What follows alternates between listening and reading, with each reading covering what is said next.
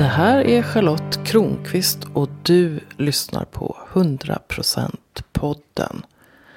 Vi har kommit till avsnitt 80 och det blir det sista i år 2017. Men det kommer nya avsnitt nästa år också. Jag har flera intressanta 100% på gång. Det här samtalet är det sista poddsamtalet som genomfördes på slottet. Ett samtal som kom och handla mycket om ansvar. Och frågan är, är du lycklig? Om du inte är det, ska du göra någonting åt det? Jag mötte fotografen Jan Dahlqvist som visste att han skulle bli fotograf redan som sjuåring. Och som har hunnit med mycket i sitt liv. Vad sägs till exempel om att vara konsul i Quebec?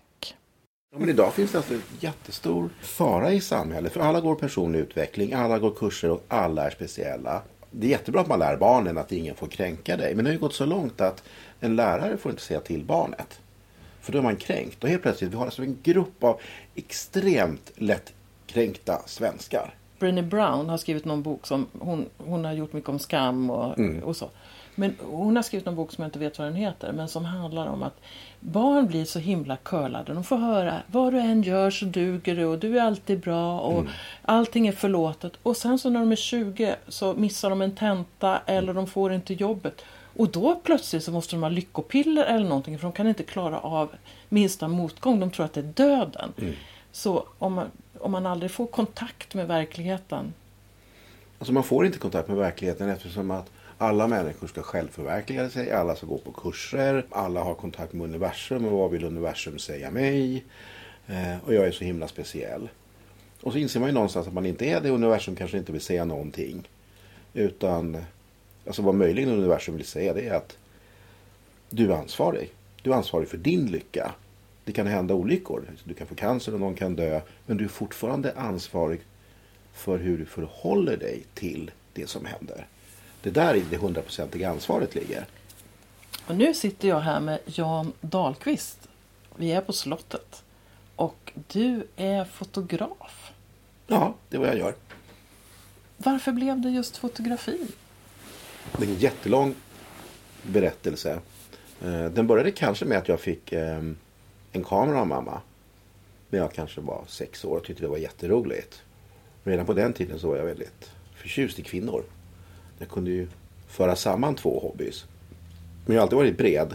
Jag pluggade naturvetenskap, gick på teknisk fysik i Uppsala, pluggade, pluggade filosofi. Blev konsul för ett afrikanskt land. Smugglade mycket pengar till svenska storföretag. Um, umgicks med människor som jag kanske inte ville umgås med egentligen. Jag var inte särskilt lycklig även om jag tjänade oerhört mycket pengar. Och hade alla lyxbilar man kan tänka sig från Porsche, Ferrari, Lotus, Rolls Royce och bodde på de dyraste hotellen i världen. Men jag var ju aldrig lycklig. Jag hade liksom ingen bra relation med min flickvän. Och en dag så kände jag att jag inte kunde se mig själv i ansiktet. Så då hoppade jag av. Med 30 miljoner i skulder. Idag är jag skuldfri. Och ägnade mig istället åt min, min hobby. Lät min hobby bli mitt arbete. Och det har jag aldrig ångrat.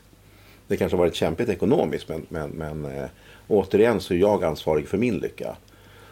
Och idag skulle jag säga att jag är väldigt lycklig.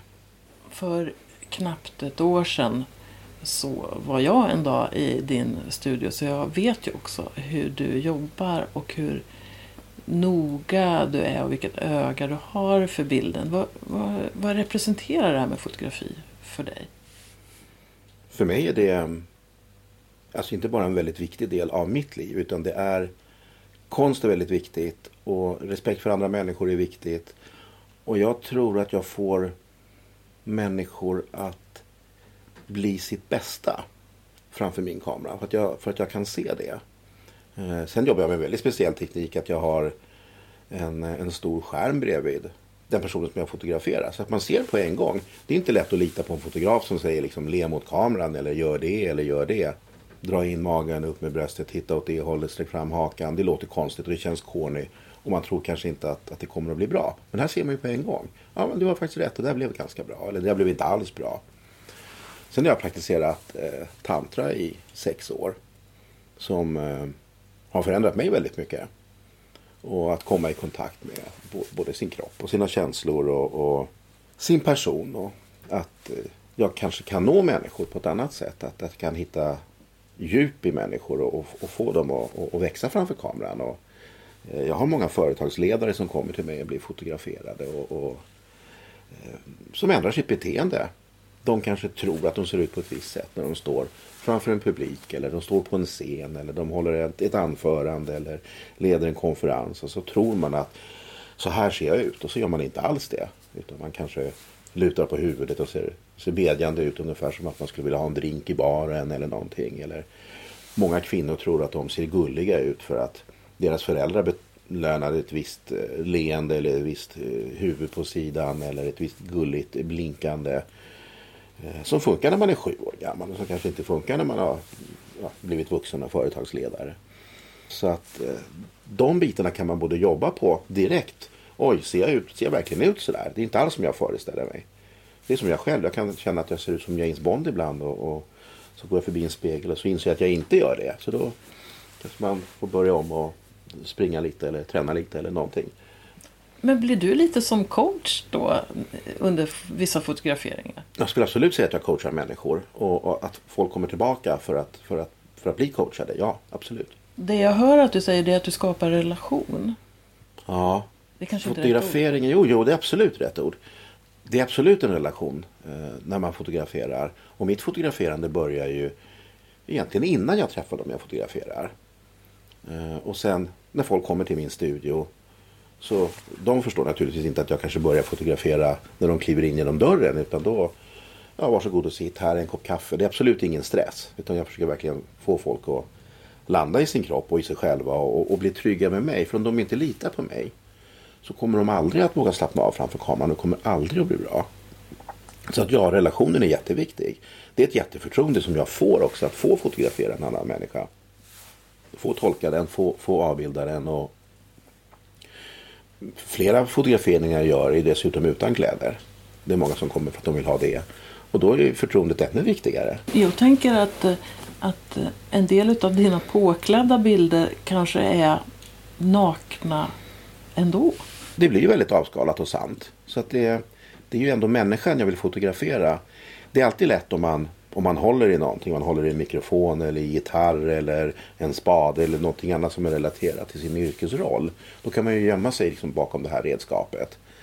Men att stå, att stå framför kameran utan att hålla i någonting och, och, och, och titta rätt in i kameran. Det är väldigt naket, även om man har kläderna på sig. Om man inte glider in i någon form av yrkesroll. Att här står jag som överläkare eller kirurg eller någonting. Om man tittar på din Instagram så den bild som du har som föreställer dig själv, då blir man ju nästan rädd för. Är det medvetet att du har en sån här grym bild på dig själv? Jag hade en jättestor utställning i Japan. Svenska ambassaden bjöd mig ner för att representera Sverige. Och det var en relativt eh, erotisk utställning som heter Proud People, stolta, stolta människor. Jag har plåtat precis som en antropolog har jag åkt runt och fotat människor. Så de, de är plåtade i en, en specifik situation. Um, det fanns nämligen en fotograf som heter Curtis som plåtade indianer i slutet på 1800-talet. Så alla de här fina bilderna man har sett på Sitting Bull och Geronimo och så vidare. Native American Indians är ett fotoverk som han har gjort. Kanske ett av världens mest berömda är det att de står liksom i en studio? Nej, han hade med sig sin studio. Han åkte runt med en tältduk. Han plåtade dem i ett tält. Så alla har samma ljus och samma canvas-bakgrund. Eh, så det är Native American Indians. Och jag tänkte att när jag såg de bilderna att de var otroligt starka. Dels för att bakgrunden är lika på alla bilder. Så det är bara människan som ändras. Och han plåtade ju då sin tids stammar. Och då tänkte jag, har vi stammar idag? Ja, vi har en enorm stamtillhörighet. Men vi bestämmer själva idag. Jag kan ha mycket, mycket mer kontakt om jag är, eh, vad vet jag, Eh, surfare. Jag kan ha kontakt med dem och tillhöra en community där de flesta av de som surfar kanske bor i Kalifornien eller Hawaii eller på någon annan skön strand. eller vad jag nu har för hobby så kan jag tillhöra en grupp, en stam. Men för 100 år sedan, 150 år sedan, då kunde jag titta på dig och säga ja men jag ser att du är sotare eller jag ser att du är Ja, jag kunde se på dig vilket yrke du hade eller varifrån du kom om du hade folkdräkt. Till och med vilken by du kom ifrån. Så att det, var, det var mycket tydligare på den tiden vilken roll man hade. Om man var rik eller fattig eller, eller ja, varifrån man kom. Idag kan vi bestämma själva. Och vi går också in och ur våra roller. Men jag tyckte det var intressant att fotografera de här människorna som på natten lever ut och blir några helt andra människor. Det finns ju kinkyfester, tatueringsmässor, eh, erotiska mässor. Eh, så de besökte jag. Och fotograferade människorna som de såg ut på festen. Alla visste ju om att det var ett, ett, ett fotografiskt projekt. Och de har skrivit på publiceringstillstånd och de har också fått en ersättning i form av en bild. Absolut inte pengar för att jag vill liksom inte motivera någon människa som är på fest att här får du pengar för att bli fotograferad. Eh, och de får också se ut hur de vill. Men de flesta är ju mer eller mindre avklädda. Så den heter då Proud People. Och jag har ställt ut den på, på flera museer. Sist var Länsmuseet i Kalmar som jag hade i stort sett hela museet. Fotoavdelning. Och då tog de fram ett pedagogiskt material och bjöd in eh, skolklasser från hela området. För att prata om, om utanförskap och sexualitet och de här bilderna föreställer då vanliga människor. Alla de här människorna är vanliga för att alla vi människor är vanliga. Det finns liksom inga egentligen ovanliga människor. Sen kan man ju göra olika saker på sin fritid. Det är homosexuella, det är transsexuella, det är tjocka, det är smala, det är gamla. Eh, det är strippor och det är konsumkassörskor och det är VD på företag. Men det är hur de är klädda när de går ut, ibland på någon rolig fest. Som de tycker är roligt att få leva ut. Och det är också oerhört generöst av de här människorna att visa upp sina kroppar för oss. Att, att avdramatisera nakenhet eller, eller eh, crossdressing eller vad man nu tycker är roligt. Gå omkring i läder och lack. Eller... Så det är, jag är otroligt tacksam för alla de som har varit modeller för den här utställningsserien. Den tog då svenska ambassaden till Tokyo för att representera Sverige. Och då tänkte jag att det måste man ha ett visitkort. Det är jätteviktigt med visitkort i Japan. Och det är jätteviktigt hur man lämnar ett visitkort och hur man tar emot det. Man måste liksom lämna det med båda händerna och titta personen in i ögonen. Så måste ta emot det med båda händerna och titta på det jättelänge. Sen måste han lägga det på bordet framför sig eller stoppa det i sin kavaj närmast hjärtat. Att, att ta ett visitkort och stoppa det i bakfickan det är som att skita på personen i fråga. Så det går inte. Så då tog jag fram det här lite eh, samurajliknande liknande porträttet. Så det fanns verkligen en story bakom det när du gör de här Proud People till exempel, finns det, finns det någon politik i det? Ja, det gör det. Det finns politik i allt man gör. Jag är för jämlikhet mellan könen och jag är för eh, vilken sexuell läggning du vill eller etnisk härkomst. Eh, det, det enda jag är emot egentligen är dumhet. Allt annat går väl att acceptera. Jag bara tänkte på eh, Elisabeth Olsson Wallin, finns det några likheter mellan er då som fotografer? Ja, både och. Eh, hon är ju väldigt, eftersom hon kommer från en religiös bakgrund. Nu kan inte jag prata för hennes sak. Eh, jag tycker hon är en fantastisk fotograf. Men hon har ju jobbat mycket så att säga med eller mot Svenska kyrkan. Men också tagit in sexualiteten? Ja, absolut. I det, absolut. Och det jag menade. Jag tycker att det mesta är politik och det mesta är sexualitet. Politik är ju hur vi agerar och vi är ju ett djur som, som har eh, uppnått den, den höjden att vi kan faktiskt eh, eh, kommunicera i stora grupper. Vi, har, vi är den enda gruppen som har ett språk och därför behöver vi politik för att kunna, för att kunna leva ihop. Och sexualiteten är ju faktiskt den, den, den viktigaste drivkraften för det är ju den som, som får människosläktet att gå vidare. Så det är två jätteviktiga frågor som jag jättegärna jobbar med. Och om sexualiteten då är viktig, det tycker ju givetvis jag också. Hur hittar du till tantra och vad har det gett dig? Det var faktiskt en, en, en, eh, en väninna jag hade. Som eh, jag jobbade med. Som hade varit väldigt rund och, och, och väldigt jobbig. Och, och, väldigt egoistisk och sådär. Som helt plötsligt började liksom gå ner i vikt. Började bli glad, började bli roligare. Började ta ansvar, började stiga i graderna. Till slut ser jag liksom. Vad är det som händer? Varför du, hur, vad är det som händer som gör att, eh, att det går så bra för dig? Det är jätteroligt att se. Och jag började praktisera tantra sa hon. Och så ringde hon en dag och sa Jan, jag har ett fotojobb till dig. Det är skitbra betalt. Du ska få 27 000 kronor för en dags jobb plus moms. Men det finns en hake. Du måste gå på en tantravecka. Ja, kan jag, göra. jag kan göra allt. När jag tänker på det. Inte kanske när situationen dyker upp. Då kanske jag blir räddare. Men, men just då så var ju den här tantran väldigt långt bort. Och det här fotouppdraget var väldigt nära. Så jag sa det är inga problem. Men sen dök den här dagen upp. Där jag verkligen var tvungen att gå på den här tantraveckan. Och jag minns hur det var.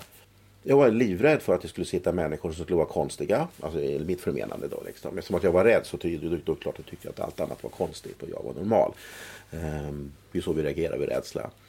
Ehm, jag var rädd för att de här människorna skulle då inte se ut som jag utan kanske ha eh, flätor och, och, och, konstiga kjolar och, och rökelse och små bjällror och, och sådär. Så kommer jag dit och så är det inte alls så. Utan de verkar vara jätteglada och jättetrevliga. Kommer från hela Europa och är svartklädda liksom jag i stort sett allihopa.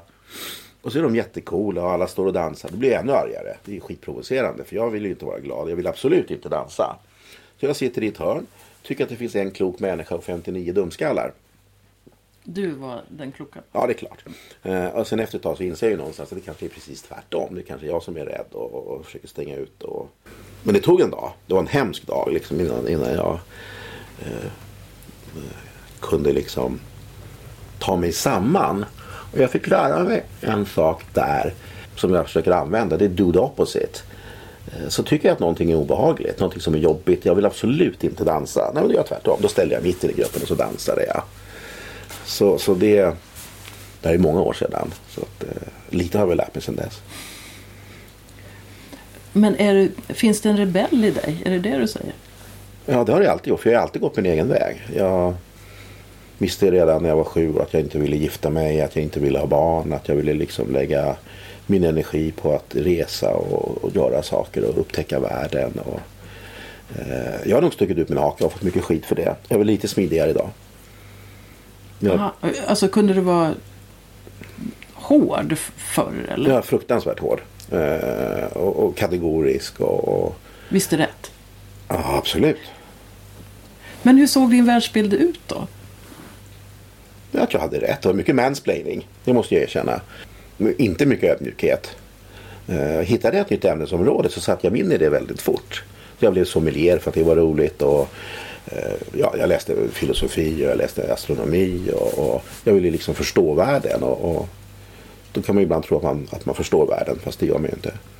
Det låter lite som en sån här renässansmänniska. Ja. ja, men det är fortfarande roligt med, med, med, med kunskap. Och viktigt. Men hur hamnar du i Afrika? Det är jag så nyfiken. Jag hade en konsultfirma som flyttade teknologi Technology Transfer. Så jag var, hade en oerhört lång titel på mitt visitkort som hette Special Industrial Representative of the Government of Quebec. Så då hjälpte jag svenska företag att, att flytta till, eh, till framförallt Quebec. För där fanns det fantastiskt mycket eh, tomtmark och el och vatten. Och det visade sig att svenska företag som gjorde joint venture med USA alltid blev grundlurade för att amerikanerna hade bättre advokater och skrev bättre avtal och svenskarna trodde att ett handslag räckte. Däremot så funkade joint venture med kanadensarna mycket, mycket bättre. Och Kanada hade en eh, urusel eh, handelsbalans med USA så de behövde verkligen tillverka saker för att eh, kunna sälja till USA också, inte bara tvärtom. Så de gav en mängd bidrag till de här svenska företagen och i samband med det så träffade jag en man som hade kontakter i det afrikanska landet djupt in i regeringen. Så då öppnade vi ett konsulat efter några år. Eh, så jag har rest mycket i, i Västafrika, Centralafrika och eh, haft många äventyr där. Jag ser för mig så här Josef Konrad. Mörkrets hjärta, men du var lite längre norrut än, än, än Kongo kanske? Nej, Kongo har jag faktiskt inte varit i. Eh, jag har varit på gränsen, precis på gränsen uppe i de här det var faktiskt med UD. På de här riktigt eh, vilda västernområdena där man bryter guld och, och framförallt koppar. Eh, det, det är våldsamma och farliga områden dit man inte bör åka utan vettiga guider i alla fall. Och eh, det var faktiskt där som Dag Hammarskjöld kraschade. Men då funderar jag så här. Vad är din relation till rädsla och fara? Jag var i Nigeria och, och där blev vi utsatta för ett rånförsök på vägen in. Men vi hade ju beväpnade poliser med. oss och det slutade liksom faktiskt i en eldstrid. Och, och eh, det var rätt farligt. Och, och, någon gång så var jag ute på marknad med, med, med min kamera. Jag och min kollega. Och det blev nästan en lynchmobb för att folk fick för sig att vi kanske tillhörde CIA och var där för att dokumentera. Så att då står vi med hundra människor som är jättearga runt omkring oss och vi vet att veckan innan hade det varit ett jättestort bråk mellan slaktarna och de som transporterar kött. Och slaktarna vann för att de hade macheta. Jag tror liksom att 10-15-tal människor hade dött bara någon vecka innan. Så det, det blev lite hotfullt. Minst sagt. Eh, ja, när vi lyckades förklara att vi var svenskar så, så blev allting liksom lite bättre och då blev de istället jättearga på den som hade startat hela det här upproret mot oss och sen började de slå den personen istället för någon skulle ju få stryk. Så äh, ja. Så ringde jag hem till min flickvän och så sa hon så här. Jag har aldrig hört dig så glad förut. För att jag kände verkligen att det var mitt i livet. Hmm. Så att leva igenom rädsla kan skapa glädje? Ja, det tror jag. Jag tror att många människor är kicksökare. Annars skulle det liksom inte finnas bergsbestigare och eh, sådana som kör bil fort eller vad de nu gör för någonting. Liksom, för att hitta den där kicken. Eh, det är uppenbarligen så att det är, det, det är, saker som utsöndras i kroppen som man dessutom kan bli beroende av. Så att eh, kicksökare söker hela tiden starkare kickar. Men jag är också en väldigt stor vän av livet så jag vill naturligtvis liksom inte dö redan. Det finns mycket kvar att uppleva. Men så en av dina drivkrafter i livet har varit det här att få nya kickar? Är det så? Ja, det är det ju fortfarande. Men kickarna måste ju inte alltid vara liksom på, på dödens eh, brant. Så vad är, vad är härliga kickar idag? Människor skulle jag vilja säga. Att träffa nya möten, eh, resor. Eh, jag är väldigt förtjust i mat, jag är väldigt förtjust i vin. Tycker sex är spännande.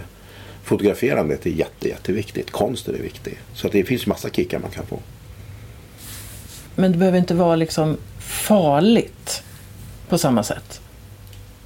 Nej, det måste inte, det måste inte vara farligt. Det är inte så att jag undviker faror. Det är inte så att jag skulle säga att jag skulle aldrig åka till det landet för att det är farligt. Jag har åkt till många farliga länder. Och det, jag tror det är jätteviktigt att det finns journalister som åker till farliga länder och dokumenterar saker och ting. Och förklarar hur det ser ut. För det finns en mängd människor som är utsatta och, och det finns en mängd övergrepp som sker i länder som, som kanske inte syns. Så det är viktigt att, att, att eh, journalister och fotografer gör det. Ja, det är ju en och annan som, som har gått åt.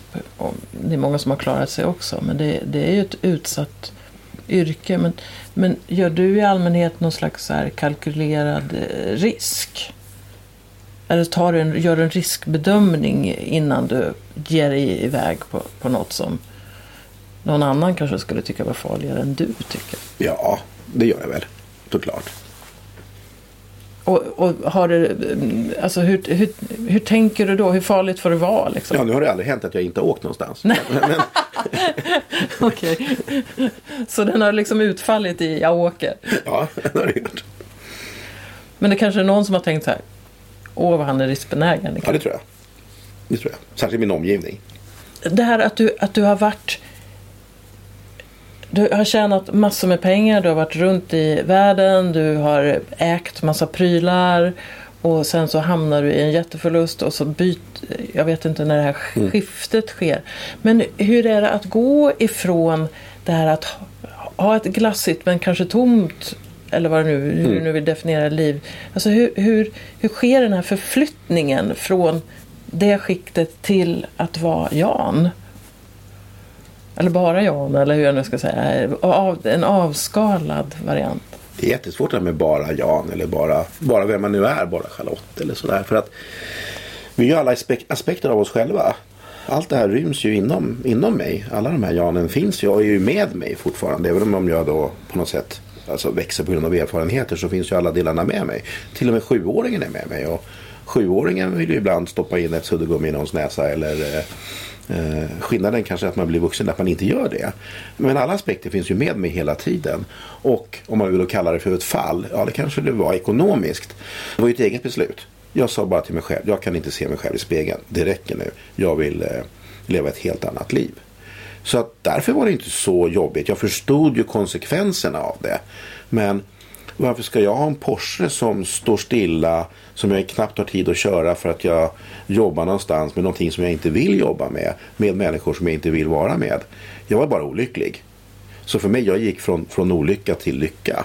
Så att, att jag hade liksom lite mindre pengar, det spelade ju egentligen ingen roll. För jag hade ingen glädje av de pengarna jag hade. Det är snarare så att jag hela tiden, eller alla, inte bara jag, utan alla människor går ju förmodligen igenom livet i en lång, lång process som, som har faktiskt ett slut.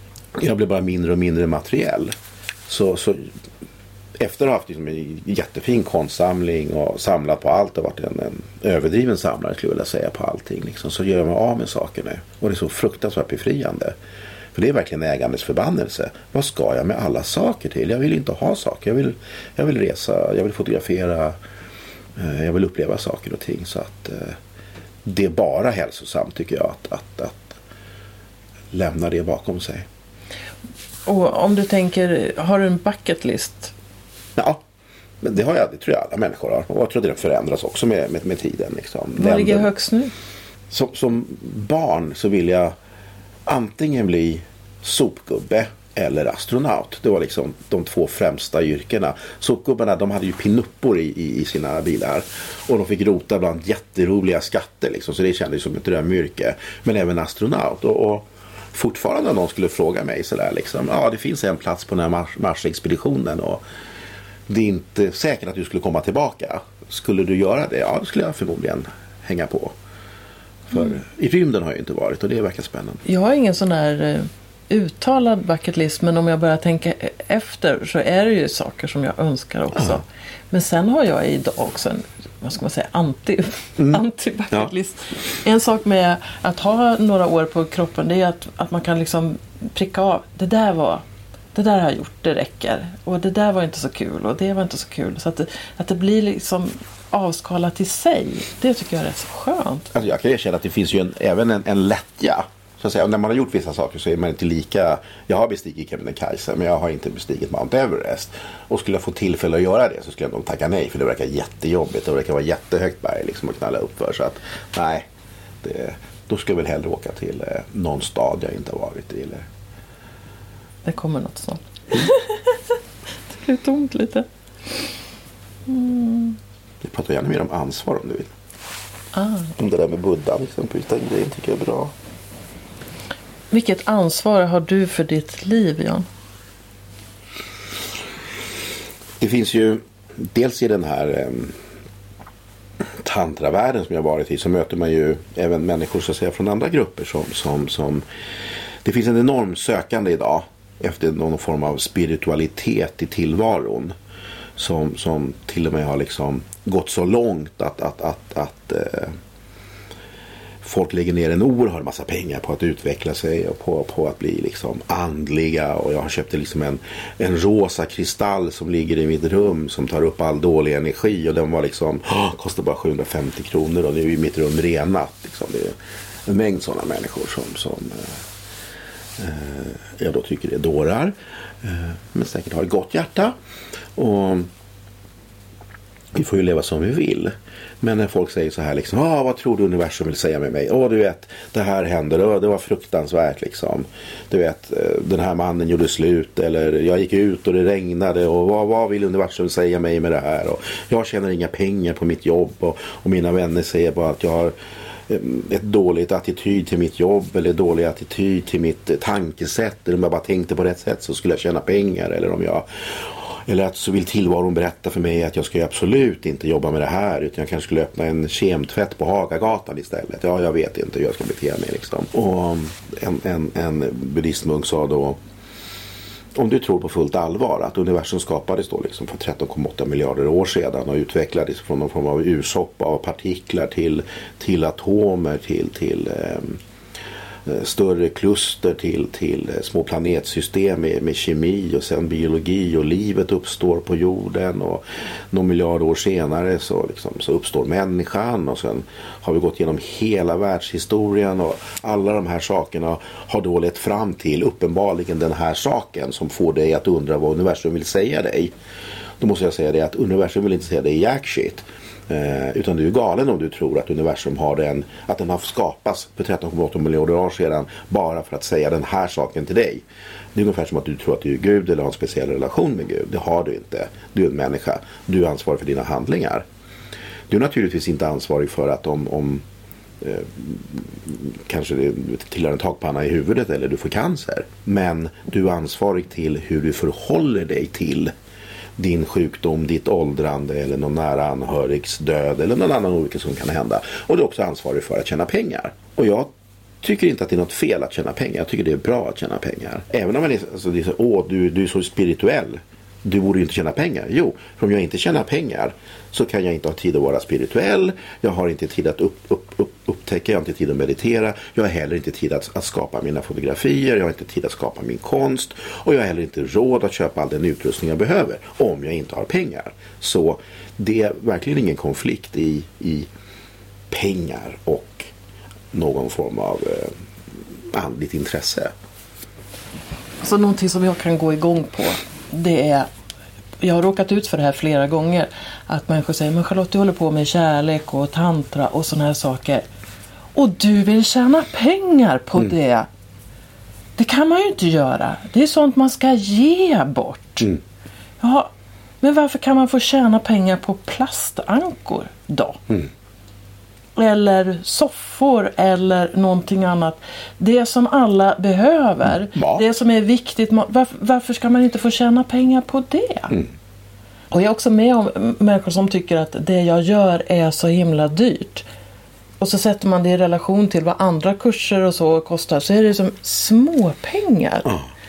Så där, där, där finns det någonting också med skuldbeläggande mm i den här eh, kulturen och, och, i den här ny, nyandliga rörelsen. Nu menar jag inte att alla gör det, men det finns en del sådana tendenser som jag tycker att det är viktigt att se upp med.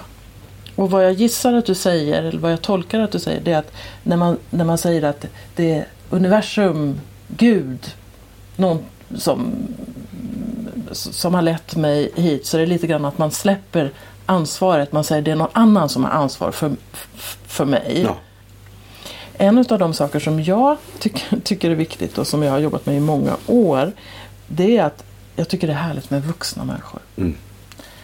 Och jag skrev en bok för massa år sedan som heter Bättre relationer på jobbet. Och egentligen är grundbudskapet sluta snacka skit eh, om andra. Kliv ut, upp ur sandlådan. Eh, bråka inte om sandkakorna utan bete dig som en vuxen. Och det här verkar vara bland det svåraste som mm. finns. Vuxenbegreppet är ett svårt begrepp. Vuxen betyder egentligen att man har växt färdigt. Då är man vuxen, man är färdigväxt. Och det ligger ju från början i möjligen att man har slutat växa. Och det gör man väl någonstans mellan 14 och 19 kanske. Eh, så det är en betydelse av vuxen. Idag anses vi inte vara vuxna när vi har växt färdigt. Utan vi får ju fortfarande inte eh, gifta oss eller köra bil eller gå på Systembolaget. Eller kanske inte ens har sex. Så att vi är ju inte vuxna när vi är vuxna längre. Utan det är ju en annan definition som vi har på vuxen idag än vad vi kanske hade tidigare. En definition tidigare var när kroppen var redo att skaffa barn. Ja, då var man vuxen för då kunde man fortplanta sig. Vi är fortfarande inte vuxna när vi kan skaffa barn. Så att vad är, vad är då vuxen? Jo, kanske att man har med sig sin barnslighet och har med sig allt det där man upplever. Att man vill skjuta någon eller slå ner någon eller eh, ja, stoppa ett suddgummi i någons näsborre eller eh, ja, vad man nu har för tvångstankar. Men att man inte agerar på dem. Att man inte lever ut sitt drama utan man kan hantera det som händer utan att eh, riva upp hela världen eller starta en stor gråtscen eller, eller bli jättearg på sin partner för att den inte gjorde som jag ville. Där, där tror jag liksom att det är för mig att bli vuxen.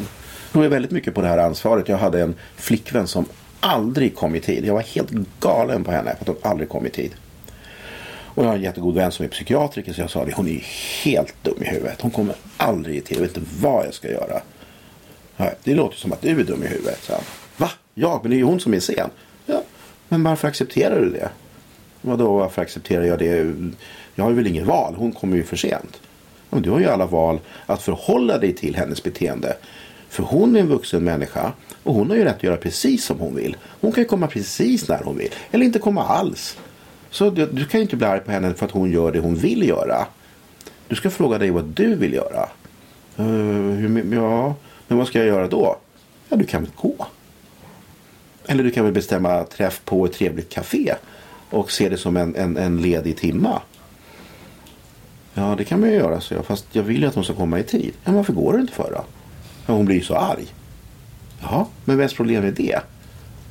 Ja, det är i och för sig hennes problem. Just det. Nu ska vi liksom reda ut vems problem det är. Så om hon kommer för sent och du bryr dig om det så gör du det till ditt problem. Så bestäm hur länge du ska vänta. Ja, då, nästa gång det här händer då så vi skulle träffas någonstans, vi skulle åka på någon fest. Jag väntar på henne utanför NK. Jag väntar en kvart och sen åker jag. Hon ringde inte för att hon ville inte ringa till mig och säga att hon var sen. För att hon tyckte att jag alltid blev arg när hon var sen. Så det tyckte hon var tråkigt att ringa. Så då ringde hon klockan sju och frågade var är du någonstans? Då sa jag på den här festen vi skulle. Ja men herregud.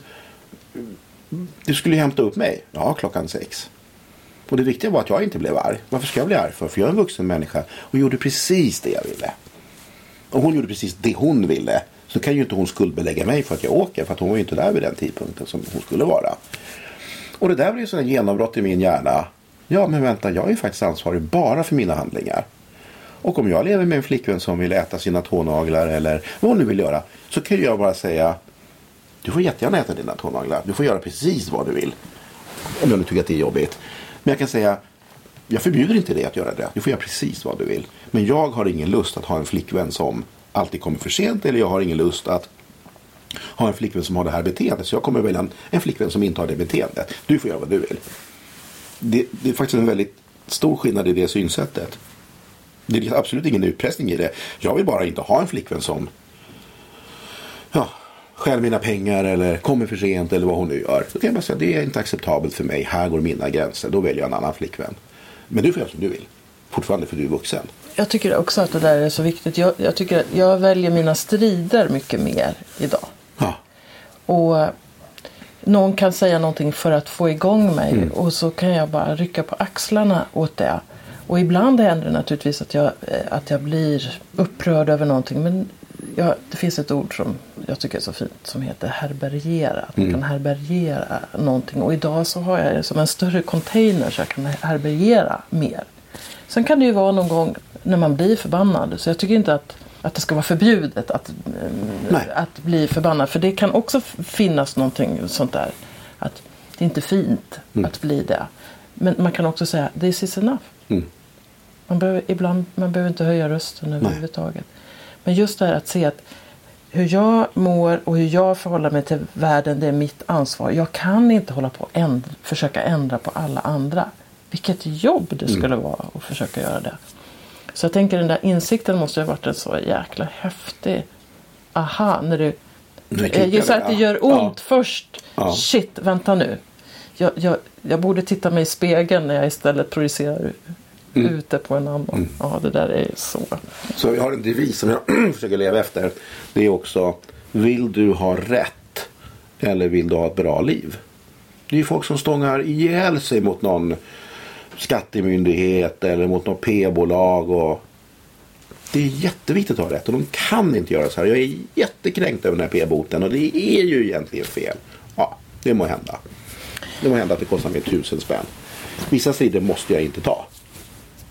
Eller hur? Och ibland så kanske man tycker att det här är viktigt för mig. Så då, då får man ju ta striden. Men man ska hela tiden tänka efter. Är det här viktigt? Jag vill ha ett bra liv.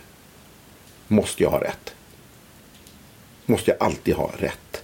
Jag kommer bli väldigt ensam om jag alltid måste ha rätt.